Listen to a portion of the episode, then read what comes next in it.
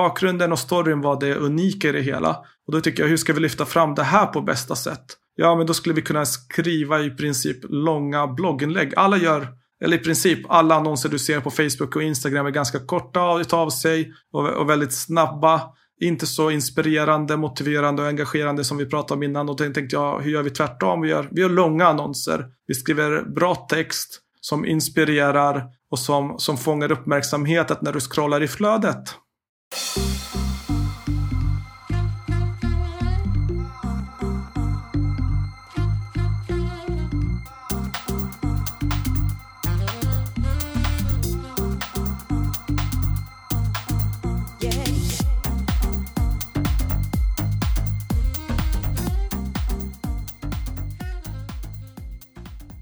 Välkommen tillbaka till Digital marknadsföring med Tony Hammarlund. Det här är en podd där jag intervjuar branschexperter och marknadsförare för att lära mig mer om digital marknadsföring. Mitt mål med podden är att bli en bättre marknadsförare och samtidigt dela med mig av intressanta samtal med några av Sveriges bästa marknadsförare. Den här veckan är det premiär i podden för ett nytt upplägg, marknadsföringscase. Jag vill framförallt fokusera på hur man gick tillväga för att nå resultatet, något som jag ofta tycker hoppas över i många case. Så förhoppningsvis kommer du gilla upplägget. Först ut är growth hackern och e-handelsproffset Fedja Porobic från Porobic Group. Där vi pratar om ett riktigt häftigt case med bolaget Under Your Skin som tillverkar hud och hårvårdsprodukter. Bolaget hade tidigare jobbat med en rad olika byråer och testat en mängd olika taktiker och kanaler utan att lyckas. Men med en helt ny approach till Facebook Ads har Fedja och hans team på kort tid tagit företaget från nära noll i e-handelsförsäljning till en omsättning på 1,5 miljon i november 2020 och de fortsätter att öka. Under 2021 budgeterar man mellan 25 till 30 miljoner. Bakom den stora ökningen ligger ett imponerande jobb med Facebook Ads och smart användning av storytelling. Vi börjar med att prata om bolaget och utmaningen man stod inför när Fedja tog sig an projektet. Sedan går vi igenom steg för steg från analys till resultat och varför man satsade på just Facebook Ads. Fedja berättar bland annat hur han kom fram till strategin och hur det fungerar rent taktiskt. Allt från kampanjflöden och annonser till landningssidor. Vi pratar självklart om resultatet man har skapat, allt från rena KPI till försäljning, men också det engagemang man har lyckats skapa kring sina storydrivna annonser. Du får även höra hur man har skalat annonseringen från 100 kronor till 25 000 kronor om dagen, misstagen många gör i sin Facebook-annonsering och var Fedja hämtar inspiration och idéer. Du hittar som vanligt länkar och andra resurser vi nämner i poddenlägget på tornehammarlund.io, så du behöver inte anteckna. Du hittar bland annat länkar till en av landningssidorna man använder samt både länkar och skärmklipp på några annonser. Efter länkarna i poddlägget så hittar du även tidsstämplar till olika sektioner i intervjun. Innan vi kör igång vill jag även passa på att presentera Queenslab som är med och sponsrar podden. Queenslab är en snabbväxande konsultbyrå som hjälper företag med utveckling, UX och design. Och det är extra kul då jag numera jobbar där och tycker det är grymt att de också valt att sponsra mitt poddprojekt. Du hittar mer information på queenslab.se och följ oss gärna på LinkedIn. Nu kör vi igång avsnittet. Fedja börjar med att berätta vad Under Skin är för bolag och storyn bakom hur bolaget grundades. Under Your Skin är ett fantastiskt bolag. I grund och botten så gör de eh, hud och hårvård som är ekologiskt och veganskt och närproducerat här i Sverige. Det grundades av Lovisa och hennes mamma Kristina, så en mamma och dotterduo. Det började någon gång när eh, Lovisa fick reda på att eh, hon underproducerar östrogen där, alltså som eh, gör att läkarna här hemma i Sverige sa att det är väldigt osannolikt att hon kommer få barn i framtiden. Och då var hon väldigt ung och såklart blir man skraj. Vem vill ha en sån nyhet? Och man öppnar badrumsskåpet och, och förstår att det är en kemisk cocktail i badrumsskåpet som med, med massor av olika, nästan tusentals ingredienser som man stoppar på, på och i kroppen varje dag. Och man ser att eh, titt som tätt så pratar man om matvanor och vad vi stoppar i oss. Men det är minst lika viktigt på vad vi stoppar på oss. Och därför grundades egentligen Under Your Skin med idén att det du stoppar på kroppen till slut hamnar i kroppen, under din hud, om vi drar en översättning till svenska. Varför tycker du då att det här caset är så häftigt? Och kan du förklara lite kort vad det är ni har gjort med Under Your Skin? Jag tycker att det är häftigt när man kan gå från noll, eller i en startup, från i princip noll till att omsätta mycket på kort tid. Det tycker jag är häftigt och det drivs jag utav i vanliga fall också. Så att, eh, och nu har vi gjort det med Under på extremt kort tid. Och vi har gjort det specifikt med, med en kanal med Facebook-annonser som, som också är ett av våra core spets kompetensområden. Men om du sammanfattar lite i korta drag, vad har ni uppnått med det här caset för dem? Nej, men vi har skapat en varumärkeskännedom. Vi har uh, drivit trafik. Vi har fått trafiken att handla och vi har fått återkommande kunder på väldigt kort tid. Då pratar vi om månader och inte om år. Att gå från att ha testat allt möjligt med performancebyråer, PR-byråer och då pratar vi ändå namntunga, guldäggsvinnande byråer. och, och sen komma till lilla oss, liksom, vad, vad, vad skulle jag egentligen ha att ställa emot det? Eh, och i början så såg det, det såg lite mörkt ut. När vi började och jag gjorde min analys så gick man in på att ja, men de har ju testat väldigt mycket och de har kört väldigt eh, orienterat på produkt och eh, jag tänkte hur ska vi ändra på det här? Hur kan vi göra någonting som ingen annan har gjort? Och i alla fall inte Under Your Skin har provat. Så att vi måste testa nya saker. Det var utgångspunkten. Ja, för när jag har kollat lite på annonserna som ni kör när det gäller Facebook Ads, så det är ju otroligt engagemang som har skapats på många av de här annonserna. Och som vi kommer in på lite senare så är det ju en helt annan typ av annonsering som ni också gör för det här bolaget. Nej men det stämmer och engagemanget är väl en av de sakerna som verkligen sticker ut. Och annonserna är ju utformade mer som engagemangsdrivande blogginlägg som folk faktiskt vill läsa.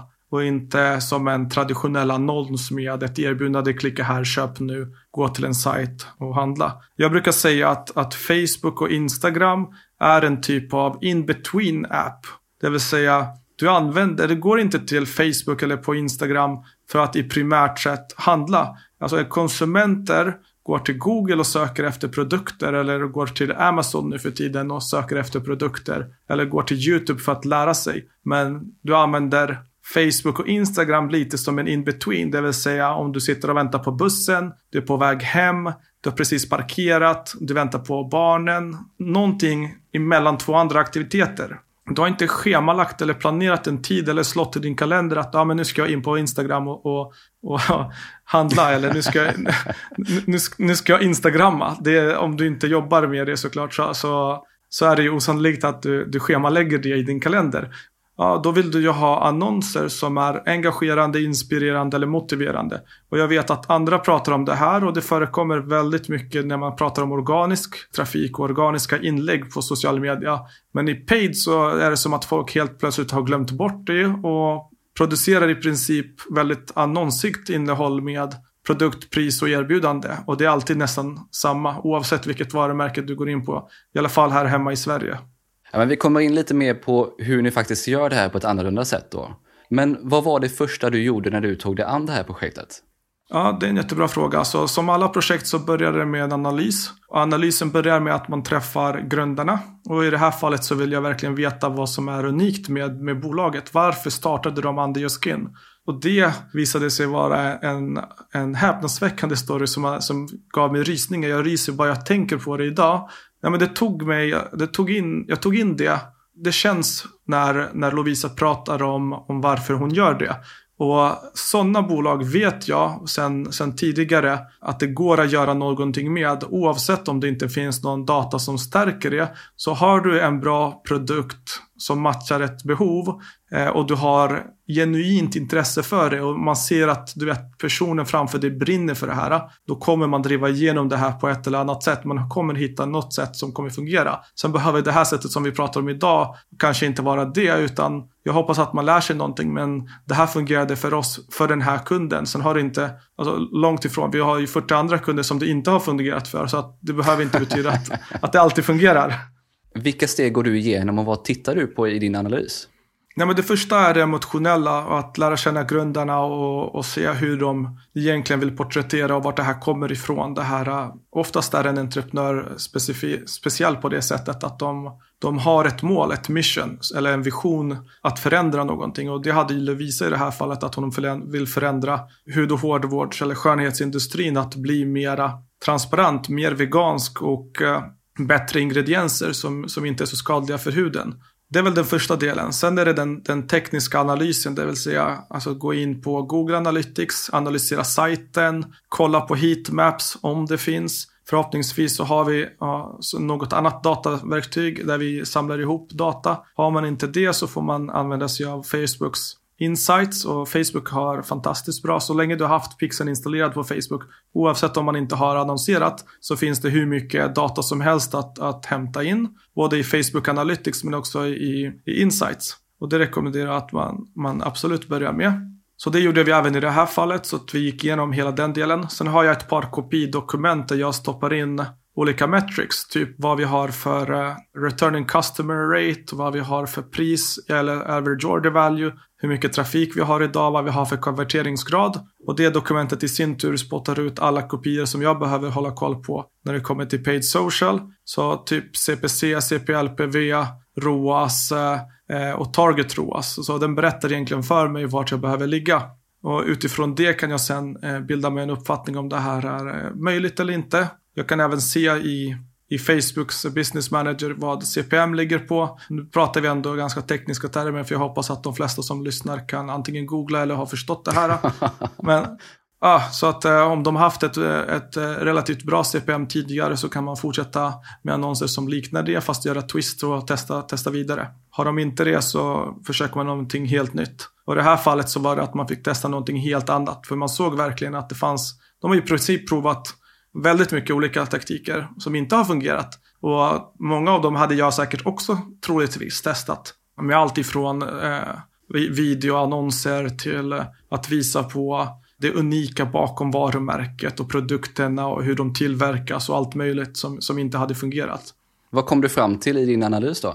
Nej, men vad jag kom fram till i grund och botten var att det här är ett svårt case. Att vi behöver göra någonting annorlunda och att de har provat mycket. Så att det var det är därför jag tycker det är ett så intressant case också. Hade jag tagit något av de andra bolagen som kanske lite mer namn igenkännbara, namntunga, så hade det inte varit lika roligt att sitta här och prata med dig nu Tony. Utan det här tycker jag var, det, var, det överraskade att det fungerade så väl. Och att det, det vart ett så fantastiskt utfall. Till den nivån att vi till slut valde att köpa in oss i bolaget. Att vår byrå nu är delägare i bolaget. Det var ändå ganska ovanligt tänker jag. Ja, det, det är väl både ovanligt och ett väldigt bra betyg. Ja, men både för oss och för dem att, eh, att vi hittade ett, ett samarbete som fungerar och att vi, vi tycker om att arbeta med varandra tycker jag. Så det är väl, jag håller med. Vad var det för strategi du kom fram till och hur kom du fram till just den? Jag brukar oftast, allt som oftast, vilja berätta någon typ av, av story i, i strategin. Och om man går tillbaka till Lovisas story och varför hon startade det här så finns det ju faktiskt någonting där och det är äkta och det känns att det är äkta och det är annorlunda. Jag har inte hört, jag har i alla fall inte hört det förut och nu kanske jag är man i, i mina, mina bästa år men eh, någon annan kanske känner igen det och tycker att nej men det här liknar, ja, ah, so be it. Men eh, för, för, min del så var det, jag tyckte att eh, bakgrunden och storyn var det unika i det hela. Och då tycker jag, hur ska vi lyfta fram det här på bästa sätt? Ja, men då skulle vi kunna skriva i princip långa blogginlägg. Alla gör, eller i princip alla annonser du ser på Facebook och Instagram är ganska korta utav sig och, och väldigt snabba. Inte så inspirerande, motiverande och engagerande som vi pratade om innan. Och då tänkte jag, hur gör vi tvärtom? Vi gör, vi gör långa annonser. Vi skriver bra text som inspirerar och som, som fångar uppmärksamheten när du scrollar i flödet. Men hur kommer det sig att det blev just Facebook Ads? Det finns ju många kanaler som ni skulle kunna testat med. Men det är en jättebra fråga. Som byrå så jobbar vi ju mycket med Facebook Ads. Så det är klart att det är en naturlig ingång på oavsett. Sen hade ju även Lovisa ett mål här att hon ville testa Facebook Ads. Däremot så är vi som growth-byrå väldigt breda och kan testa andra kanaler om det är så att vi tror på dem mer. I det här fallet så är det, hade det tagit lite lång tid om vi hade börjat med att säga att ja, men, vi ska göra en SEO-analys och kartlägga hur vi kan växa organiskt. Det hade tagit lång tid för att få ett proof of concept på produkten. Då är paid mediet lite bättre och då tänker man att eftersom det är inte jättemånga i Sverige när vi gjorde den analysen som sökte på, på vare sig varumärket eller på den här typen av produkt så såg vi att okay, vi kan komma en bit på vägen på, med Google Ads men det är inte det som kommer vara make it or break it eftersom det här är en premiumprodukt och den är lite dyrare eftersom den är närproducerad. Då kommer den i, i Googles shopping rankas lite, lite sämre. Eller i alla fall med tiden. Med tanke på att det kommer vara färre personer som klickar. På de, av de få som redan söker på, på den här typen av produkt, eh, på den här hud och hårvårdsprodukterna så kommer det vara ännu färre som faktiskt klickar och många som sen i sin tur bouncear. Eftersom det enda vi kan sälja in där är egentligen pris och produkt medan vi på, på Facebook eller i social överlag kan berätta en hel story. Vi kan göra det både i video och visa, visa på Lovisa när hon pratar eller vi, vi skulle kunna göra det i text och bild. Det kändes som ett mer naturligare test. Sen testade vi faktiskt, med det sagt så testade vi Google Ads också. Och vi kör fortfarande något med Google Ads. Vi testade andra plattformar längs vägen och vi har planer på att Eh, utöka och testa ännu mer kanaler framåt. Jag är ju som, som vi sa här i introt en growth hacker vilket betyder att jag älskar att testa smått, se vad som fungerar och sen skala. Istället för att eh, gå all in på en eller någon kanal eller, eller taktik och sen satsa mycket pengar och bränna det om man inte vet att det fungerar. Vad hämtar du inspirationen till och var kom idén från? Jag är, jag är oftast inne och kollar hur andra marknadsförare arbetar och då kanske inte primärt i Sverige. Jag tycker de flesta som jobbar med Facebook Ads i Sverige och nu låter det lite, lite, kanske lite fel men må, många gör det som sagt på, på, fel sätt. Vi har varit inne och touchat på arbetsmetodiken om prisprodukt och pusha kampanjer medans jag, jag hämtar inspiration då från, mycket från USA, en del från Australien men det finns en del andra länder i Europa som också är, har en del byråer som jag vet är bra. Då följer jag de byråerna och deras varumärken och hur de arbetar och till och med reach out, alltså pratat med vissa andra byrågrundare. Och vi, vi tar en digital fika nu i coronatider och försöker få ut så mycket som möjligt. De flesta är väldigt öppna och vill prata. Speciellt med sina branschkollegor. Det är först här i Sverige som man ser att när man försöker approchera någon annan som också har, eh, sitter i situation som jag så, så är man väldigt stängd av sig. Som att jag skulle gå in där och sno ens kund. Det, är inte ens, det, sitter, det, det finns inte ens på kartan. Du vet, jag har så det räcker och, och blir över att jag hinner knappt andas. Och, och varför skulle jag, egentligen vill jag bara ta en digital fika och lära oss från varandra. Så att inspirationen hämtar jag ofta från andra. Jag kallar det Eh, andra varumärken som jag vet har lyckats kallar vi för reverse engineering. Jag är inte den personen som kanske är den mest kreativa i rummet som kommer på alla de här idéerna utan jag tittar vad som har fungerat för andra. Det kan vara helt andra branscher eller snarlika. Sen hittar jag, och det här är ett bra tips för alla som lyssnar. Jag hittar väldigt mycket inspiration i Amazon Reviews. Så om du går in på Amazon.com, inte svenska versionen för det är för lite. Men om du går in på Amazon.com och söker på den produkten som du ska sälja. Och så går du in på fem stjärnor och filtrerar på någon produkt som har tusentals recensioner så kommer du se att det är de, som, de recensionerna som har flest upvotes, det vill säga typ så hundratals människor som har gillat en recension. Så finns det en poäng i den recensionen och försök ta till dig poängen för där kommer du lära dig vad det är som särskiljer den produkten från andra i sin kategori. På samma sätt kan du gå in på enstjärniga, alltså one star reviews och hitta vad som var fel. Varför folk inte gillade produkten. Och där hittar jag mina vinklar till hur jag ska bygga annonser. Och du vet, hela researchen och bygga upp saker. Då kan jag säga att ah, men shit, där är det jätteviktigt för folk att det är närproducerat eller att det inte är eh, någon, att det är toxic free eller att det är eh, inga SLS. Det verkar vara super, superviktigt. Det är självklart att jag kommer belysa det sen i annonserna. Hur bygger vi in det här i våran story? Så att eh, just för det här caset, men för andra case kan det vara vad som helst. Oavsett vad du säljer så vinner du på att gå in på Amazon och hitta produkter som liknar ens eget. Ja, men det är ett superbra tips. Vilken roll skulle du säga att Lovisa Story fyller i den här strategin? Nej men det är A och O, allt egentligen. För att om vi hade testat exakt samma taktik, exakt samma tidpunkt med samma budget och samma utgångsläge till och med ett bättre utgångsläge. För en annan e-handlare eller någon annan av våra kunder så hade det troligtvis inte fungerat. Nu vet jag ju med facit i hand att det inte har fungerat. För att när man hittar ett vinnande koncept så tänker man som growth hacker att det här kan man ju skala.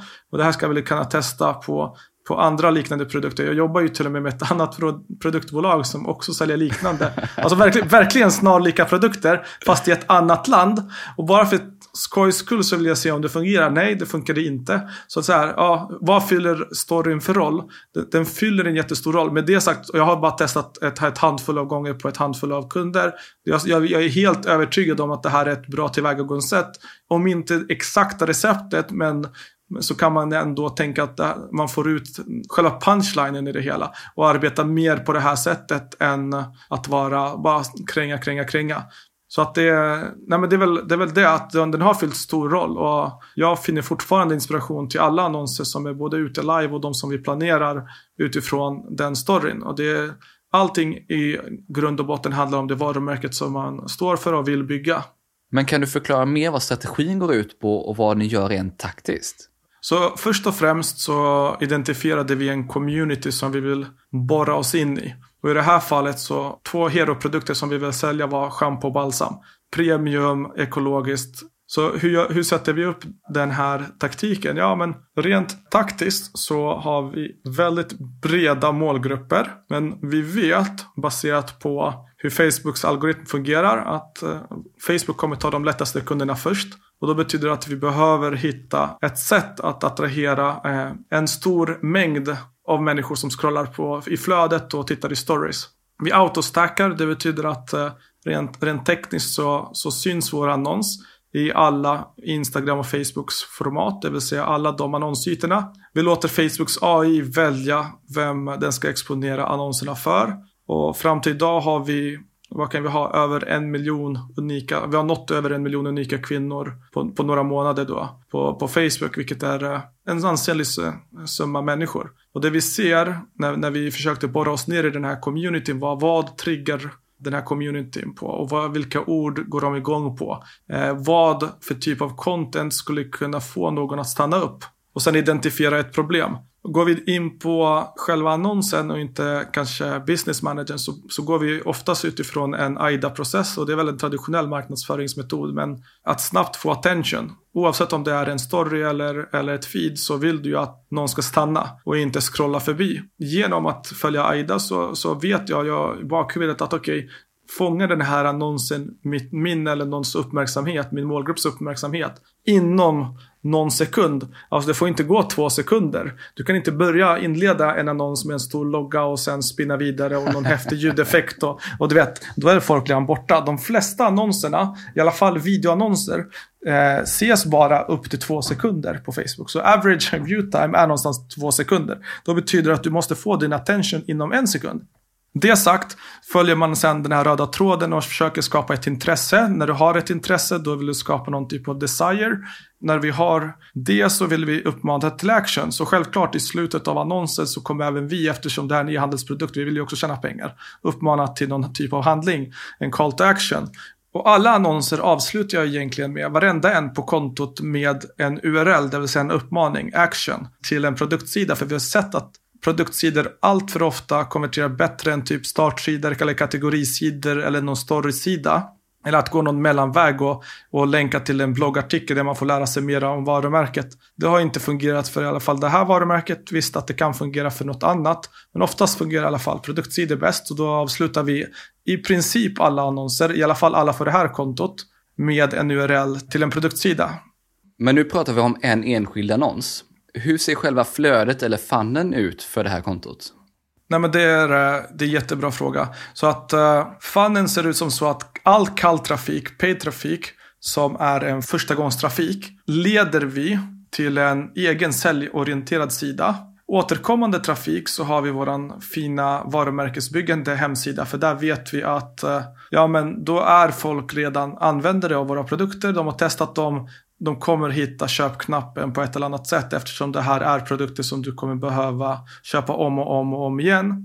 Då har vi ett helt annat fokus. Så kall trafik, återigen till en säljdrivande sida där i princip allt viktigt ska vara above the fold. Alltså över den brytpunkten där du börjar scrolla. För just det här caset så har vi alla, alla viktiga bilder, en video, före efterbilder. Vi har eh, en, en anledning till att köpa ett starkt value proposition. Vi har en beskrivande titel.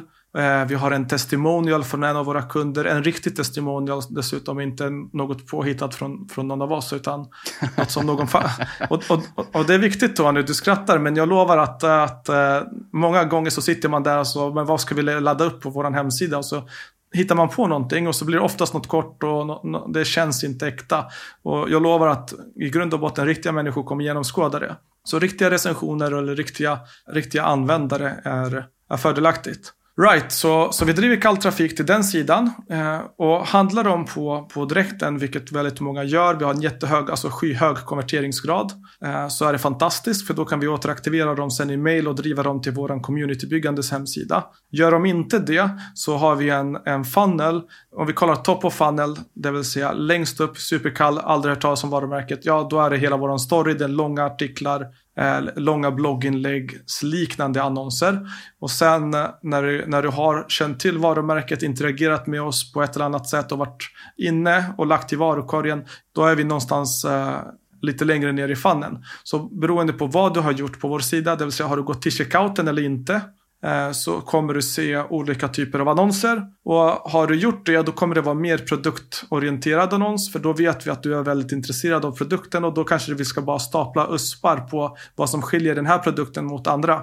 Varför fungerar den här bättre än alla andra produkter? Jag försöker att göra även de annonserna lite trevligare och inte bara fri frakt eh, och och snabba leveranser som, som, som, som du ser väldigt många göra. Utan, och kollar vi på, på steget innan det, nu, nu hoppar vi lite fram och tillbaka, så, så har vi mer känsla och resultatorienterade annonser. Så att vi försöker väcka känslor och försöker visa resultat. Så det behöver inte bara vara den här storyn om och om igen, utan den blir lite tjatig om du ska få annonser som bara handlar om hur Lovisa grundade bolaget. Ja, men det är ju jätteintressant att höra just vilka typer av annonser har ni i det här flödet till, fram tills att man faktiskt köper.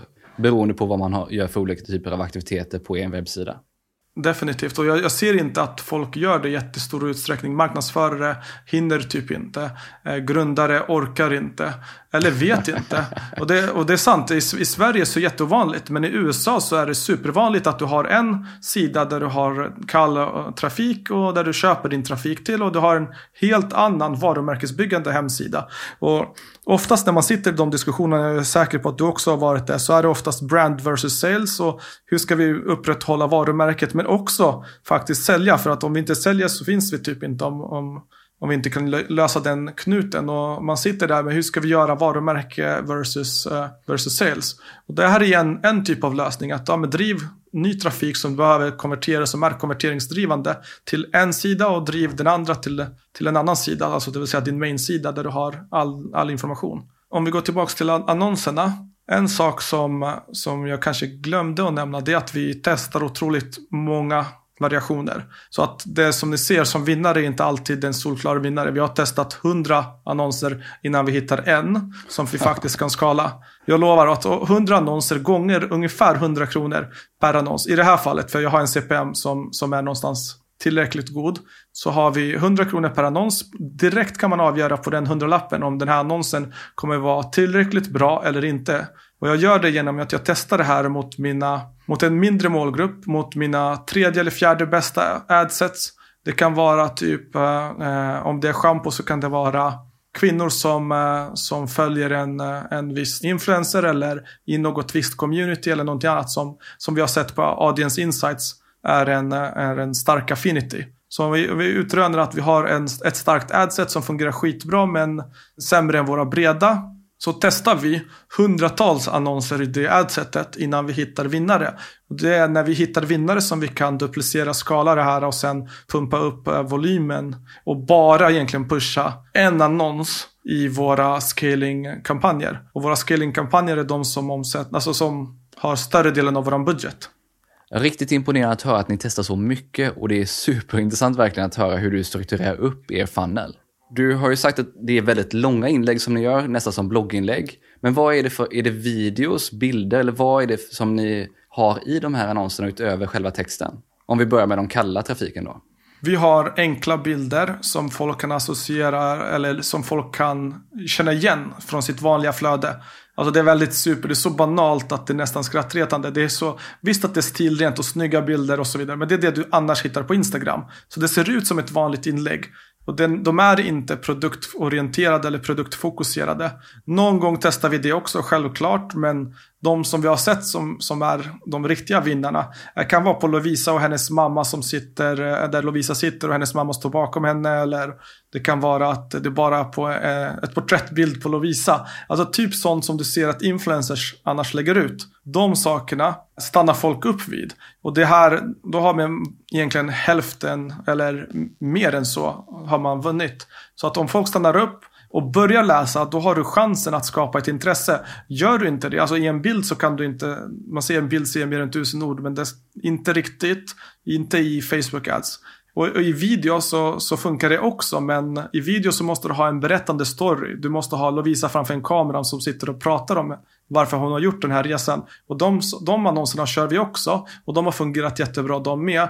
Men eh, vi kör dem, just nu kör vi dem i, i vad vi kallar för eh, winback-kampanjer där folk har handlat och vi vill skapa en communitykänsla och tacka de som har handlat eller vinna tillbaks kunder som har handlat av oss men inte har handlat på x antal månader där vi troligtvis ser att schampot borde ha tagit slut eh, vid det här laget och, och, varför har du inte fyllt på i princip. Nej, men, och, och, det här bygger community Tony, för du ska se engagemanget i de annonserna där folk hejar på varandra. Eller hejar på oss och som företag och bara tjena, vad bra ni har gjort det, tack för, för produkterna, de här fantastiska, revolutionerande. Det har ändrat eh, eh mitt liv eller det har förändrat eh, och bla bla bla. Och du vet mitt hår är fantastiskt mycket bättre nu än det var det någonsin har varit. Jag har slängt all, alla andra produkter i papperskorgen. Och, ja, det är så många kommentarer som är, som är häftiga i de här winback-kampanjerna. I de här top of funnel-kampanjerna är, är folk fortfarande allt för oftast alltså, skeptiska, vilket är bra.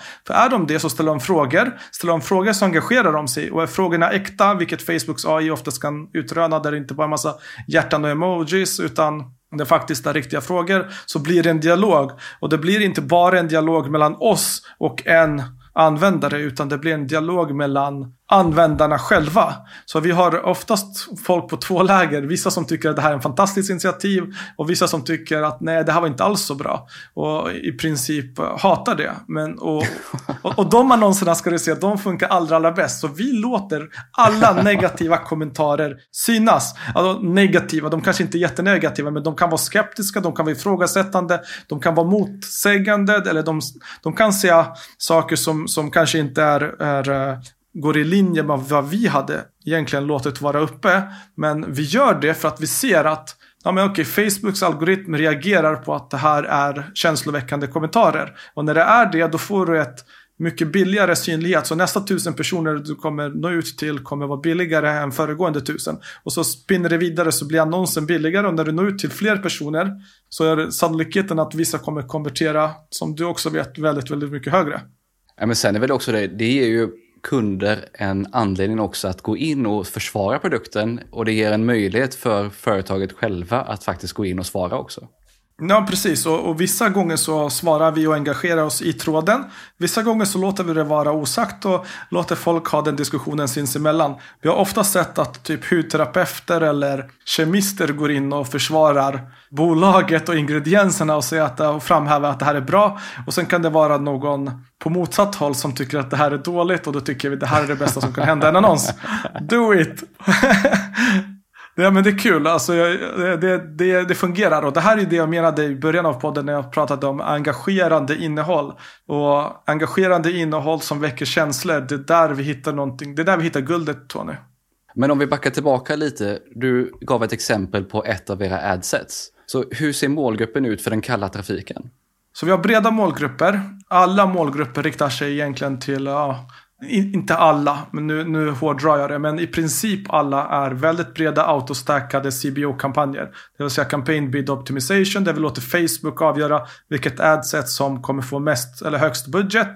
Vilka annonser som kommer få synas mest. När vi gör det på det här sättet så, så litar vi väldigt mycket på att Facebook kommer hitta rätt människor i rätt tid, tidpunkt och i rätt format. Så alla våra äh, kampanjer äh, syns som sagt i, i alla olika format. Så vi sitter inte själva och modererar och säger att ah, men den här annonsen ska synas i stories, den här annonsen ska synas i flödet etc. Det har vi aldrig sett fungera. Inte för Under Kin och inte för, för många andra konton heller. Eh, så, så, breda autostackade CBO-kampanjer med adset som säger typ kvinnor 25 plus eller kvinnor 20 plus eller kvinnor 18 till 65 plus. Så att det är väldigt stora målgrupper som du kan höra. Sen targetar vi såklart vissa länder och så är det, är det Sverige så skriver du på svenska, här i, i USA så skriver du på engelska. Den tycker jag är ganska självklar. Men när det kommer till att vi som marknadsförare på något sätt ska utlista eller överlista Facebook och, och smalna ner målgrupperna och säga att ah, men jag vill nå ridtjejer på Djursholm eller att jag vill nå ut till den här typen. du vet, målgruppen blir så liten någonstans att du får buda så mycket pengar för att nå den typen av målgrupp. För det, det är alltid en, en auktion om, om var, varje annons sker en mikroauktion och när den sker, desto hö, större audience du har, alltså desto bredare den är, desto billigare kommer troligtvis din annons bli. Det är därför du ofta ser att retargeting-annonser är mycket dyrare än top of funnel eller breda annonser. Och då försöker vi utnyttja det här till, till full och, och, och verkligen låta och rida egentligen med Facebooks algoritmer och, och AI där vi vet att den är jäkligt smart. Liksom. Den har den datan den behöver. Det som gör med de här stora breda kampanjerna så ännu bättre är ju att hanteringen är, blir lättare. Du behöver inte gå in som marknadsförare och mikrostyra för att en annons kan fungera en, över en längre period för att målgruppen är större och Facebook hela tiden kontinuerligt hittar nya människor som kan vara intresserade. Du kan höja och sänka budgeten utan att uh, paja inlärningsfasen på samma utsträckning som det är en mindre målgrupp. Ja, men det finns egentligen oändligt mycket fördelar. Ja, men det är superintressant att höra hur du beskriver de här sakerna, för det här är ju jätteviktigt, för att det blir ju lätt att man sitter och skapar målgrupper som blir alldeles för smala. Det här är då den kalla trafiken. Hur arbetar ni med de återkommande kunderna när du pratar om att bygga community? Nej, men eh, det som är annorlunda är att så fort du handlar av oss så kommer du in i ett eh, köpflöde där vi vet att du har handlat och då exponeras du för annonser där vi faktiskt tackar dig för köpet. Vi har ingen uppmaning till att eh, du ska göra någonting eh, utöver det, typ crossförsäljning eller merförsäljning, utan det vi vill är tacka dig genuint för att du har handlat av oss och att du är med och bidrar till en lite bättre värld. Den annonsen, eftersom det är så få, alltså det är, vi pratar om tusentals människor som den når ut till, är ju väldigt billig och den bygger en community där folk är tacksamma. Så de ser en annons i sitt flöde där Lovisa står framför kameran och tackar människor. Många varumärken tycker jag missar att bearbeta sina befintliga kunder. Så vi försöker skapa den communityn både i annonser men sen försöker vi att bjuda in dem sen till att gilla oss på Facebook, gilla oss på Instagram och vi uppmanar till att de ska följa oss. Sen har vi såklart som många andra har schyssta e-postflöden och där har vi en kille i mitt team som jag har jobbat med i många år som har byggt fantastiska flöden där du kommer in, där Lovisa tackar dig och du får väldigt, det känns som en väldigt personlig upplevelse.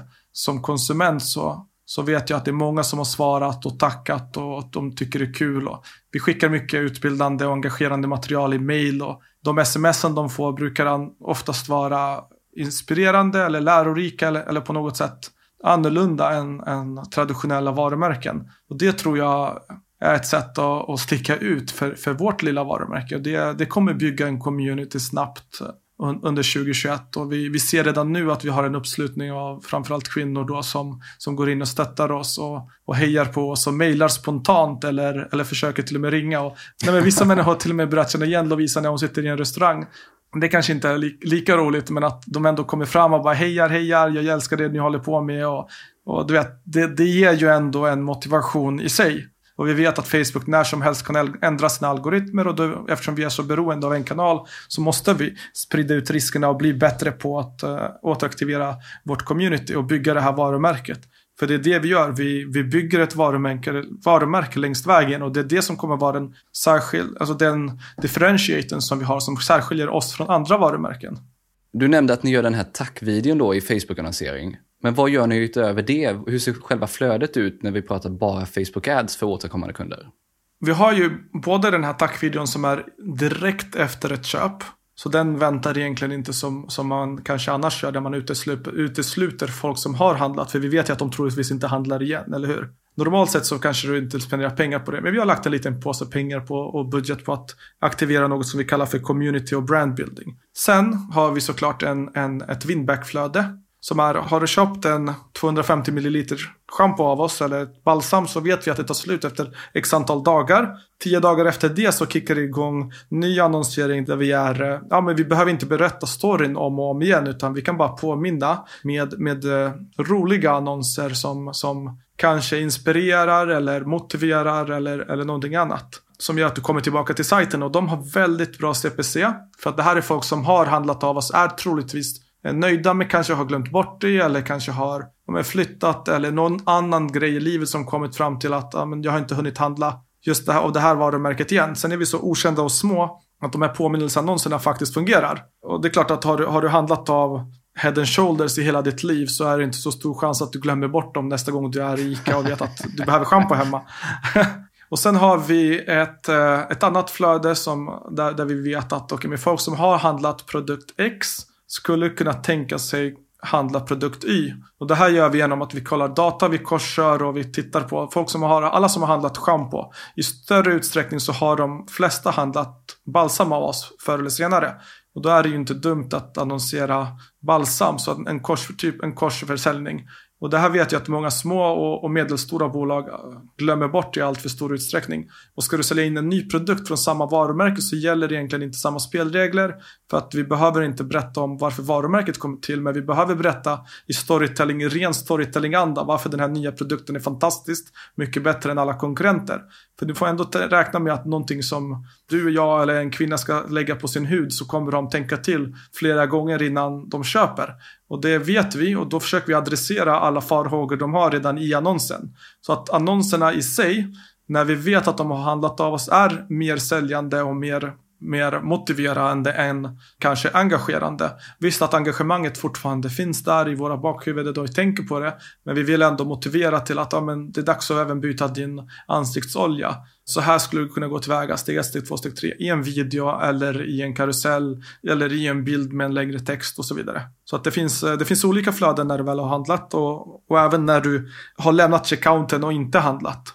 Du var inne lite tidigare på det här med landningssidorna. Men hur ser de ut för de här olika, både kalla trafiken och den återkommande trafiken? Nej, men återkommande trafik, där har vi ju en, en community-sida som är byggd av en stor PR slash webbyrå som har vunnit alla de här guldäggen och, och kan form och design. Så den är väldigt brandig. Eh, nu håller vi på, troligtvis kommer vi testa, AB-testa en ny core page. Där eh, den är lite mer produktorienterad och lite mer storytelling med, med Lovisa i fokus istället för den här eh, som är, som är fin men svår att hitta produkter på. För att vi vill mitigera lite av de här frågorna. Hur, vart hittar jag schampot? Eller har ni andra produkter än, än, än, än balsam och schampo? Tanken med sidan är i alla fall att den ska vara mer varumärkesbyggande och bygga community för vi vet att det är viktigt långsiktigt. Däremot, kall trafik, där har vi en, en skräddarsydd landningssida och den här har vi AB-testat sönder egentligen till den degree att ibland så ja, ah, Du skrattar men du ska, du ska se min iterationslista här på hur många olika tester vi gör. Och vi, ibland kör vi parallella tester. Men vi har till och med vi har testat sönder den till den nivån att det, är, det till och med finns buggar på den i live just nu och det finns en dummy video som inte ens är den heter till och med dummy video. Men den säljer ändå för att det är above default som större utsträckning räknas. För så, så fort du får ett bra above default-flöde så får, börjar folk scrolla, de läser och de tittar och de handlar. Tappar du above default så tappar du majoriteten av din trafik, du får en högre bounce. Folk är inte intresserade i samma utsträckning. Sen har vi gjort den här egentligen i HTML CSS. Alla våra landing pages gör vi i HTML CSS. Hade jag kunnat React eller någonting annat så hade jag kanske gjort det. Och hade det varit ett snabbt sätt att göra det på. Men vi använder oss inte av de här verktygen som alla är vana att använda. Av typ Unbows och liknande landing page editors.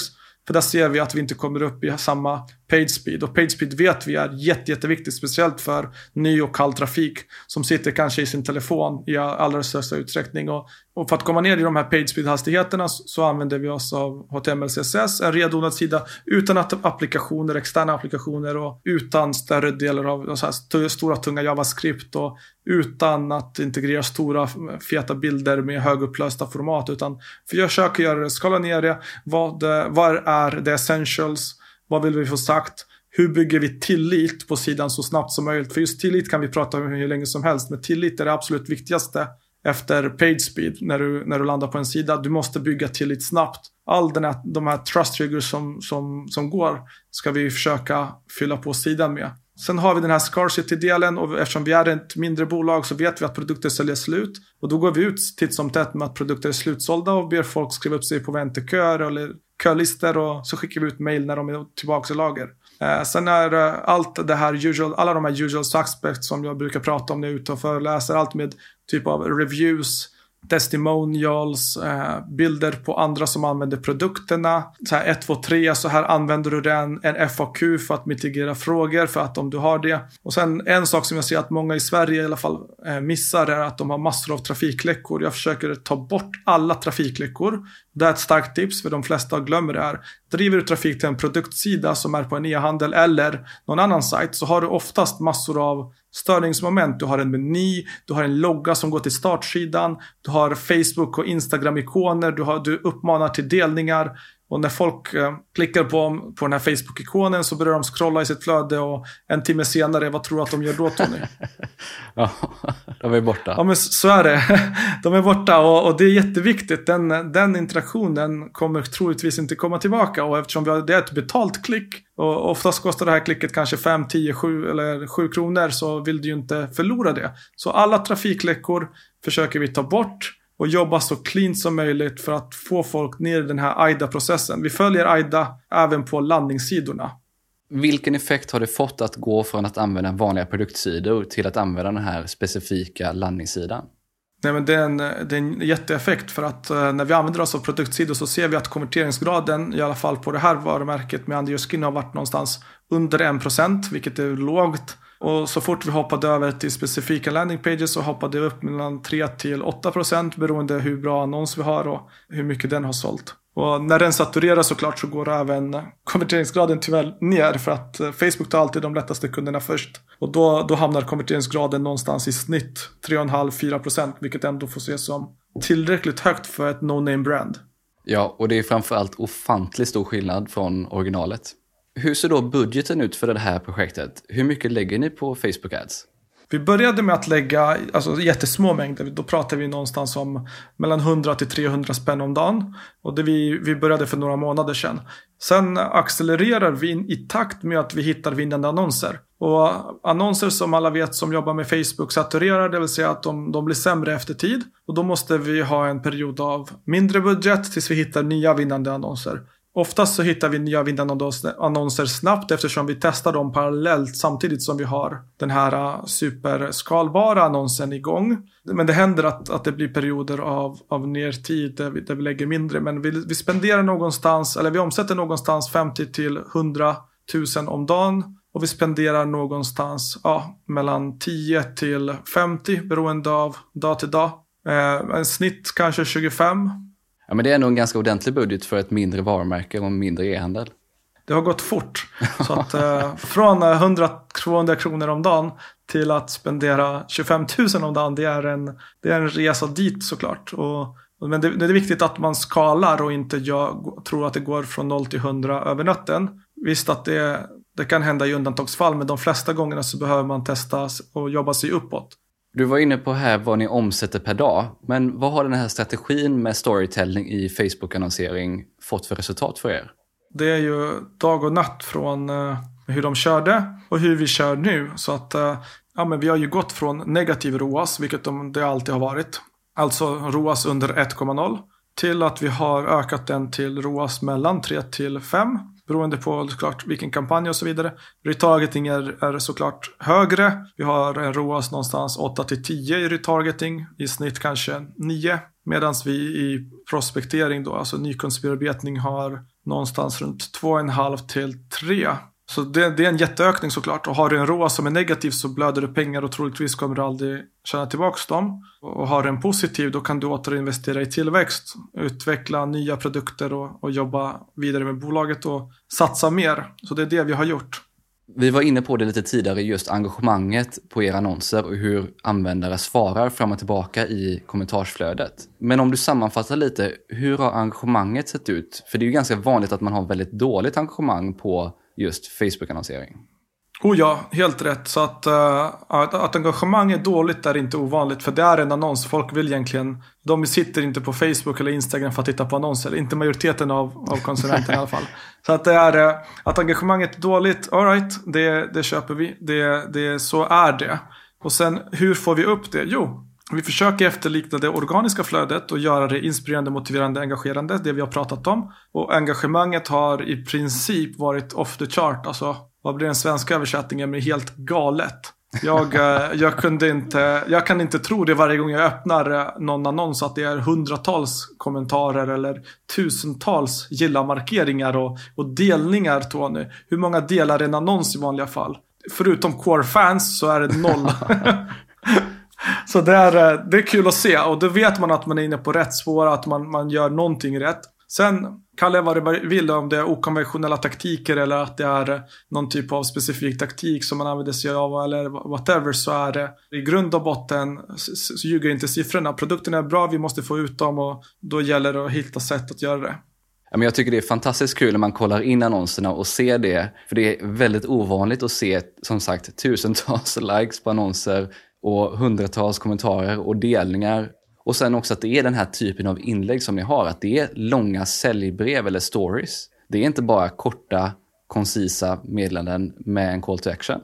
Nej men det är kul att du säger det för att det är, så känner jag också. Och det är, eh, om man tittar på vad Facebook rekommenderar så rekommenderar de ju faktiskt att du ska ha korta meddelanden i dina annonser. Det är väl en av de få sakerna där vi faktiskt går emot vad Facebook rekommenderar. Oftast så följer vi Facebooks rekommendationer i princip till punkt och, pricka för att de flesta fallen så är de jättebra. Däremot i det här fallet så såg vi att okay, men ett, en bloggartikel eller bloggartikels liknande annons fungerade bra. Och då testar vi och så, så ser vi det att det fungerar och då skriver vi fler och de fungerar också. Och så testar vi ännu fler och så testar vi till slut hundratals olika variationer och, och dödar de som inte fungerar, de som funkar, eh, de skalar vi. Och vi ser att det är enormt engagemang. Bara i Facebook på den, en av våra senaste annonser har vi tusentals gilla, 500-600 kommentarer. Och varje gång jag loggar in så är det 50 nya frågor. Eller folk som har typ haft en minidebatt. det är ganska, och det är sjukt. Med, men, men, eh, men det är kul. Och det gör att man vill fortsätta med den typen av, av annonsering. Så länge det fungerar.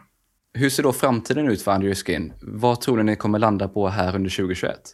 Det här är ju som sagt eh, ett projekt som vi har bara hållit på med i några månader och vi omsätter ju redan miljoner. Under 2021 så budgeterade vi någonstans ja, 25-30 miljoner. Men vi vet, eller min starkaste data och med min starkaste analys är att vi kommer nå ännu högre än så. Eftersom vi vet att Q4 kommer vara vårt absolut starkaste år och vi kommer göra ett helt fantastiskt år. Så vi har, vi har en rolig tid framför oss. Däremot så vet man aldrig om någon algoritm ändras och du vet du tappar eh, hela din eh, taktik. Men därför kommer vi sprida riskerna så att jag har jobbat jättelänge med influencer marketing och självklart ligger det högt upp på tapeten vi kan få, om vi kan få vanliga människor och influencers att prata gott om produkten eller i alla fall testa produkten och sen prata gott om produkten om de gillar den så tror jag att det kommer gå hem rätt bra eftersom det här är en typisk produkt som funkar bra i influencerflödet. Ja, men det låter som en jättesmart idé. Jag tänker så här att vi slänger in länkar till dels till Under Your Skin webbsidan, men också till de olika sociala kanalerna. Och sen, jag vet inte om vi kan dela med oss lite av skärmklipp så att man kan kolla in lite av annonserna bara genom att gå in och kolla på poddinlägget här. Det låter bra, det gör vi. Vad kan man sen läsa mer om er på Porobic Group och dina tips? Tack som frågar. Vi har ju en hemsida men den är ju i princip bara en liten text upp och ner eftersom vi har, eller de flesta av våra kunder som kommer i kontakt med oss antingen gör det för att de känner mig via LinkedIn och vet att jag delar med mig av härligt material eller så är det via kunder och referenser är ju via word of mouth. Så jag tänker någonstans att vill man komma i kontakt med oss så får man hitta en väg att göra det. Jag vill helst inte annonsera ut det. Då vet jag att man i alla fall har försökt. Stort tack för idag Fedja. Ja, men tack för att jag fick komma hit Tony. Och kul att du väljer att dela med dig av fantastiska gäster i din podd. Sådär, det här var det första marknadsföringscaset i podden. Och jag hoppas att du gillade det och att det var inspirerande att höra Fedja berätta om caset. Mina främsta insikter från avsnittet var 1. Att ta med sig det organiska tänket med att utbilda, engagera och inspirera även i annonser i Facebook Ads. 2. Att utnyttja Facebooks AI till fullo och inte smalna av målgrupper för mycket eller att styra var annonser ska synas. Och 3. Att se till att jobba ordentligt med landningssidorna. Det här var mina främsta insikter från avsnittet, men jag vill även höra vad du tog med dig och vad du tyckte om upplägget. Så dela gärna dina tankar i en kommentar, ett meddelande eller ett mail. Och passa gärna på att skicka en kontaktförfrågan på LinkedIn om vi inte har connectat. Du hittar som vanligt länkar till allt vi nämnde i poddeläget på tonyhammarlund.io. I poddenläget så hittar du som utlovat även bilder och länkar till några av annonserna samt en länk till en av landningssidorna man använder. Har du några frågor till Fedja så kan du ställa dem i kommentarerna direkt in i poddenläget. Gillar du det här avsnittet och podden så vill jag som vanligt påminna om att prenumerera och tipsa gärna andra om podden. Avslutningsvis vill jag passa på att tacka Mikael på Newbreeze Music som hjälper till med att producera den här podden och stå för musiken. Vi hörs snart igen med fler intressanta gäster, case och ämnen.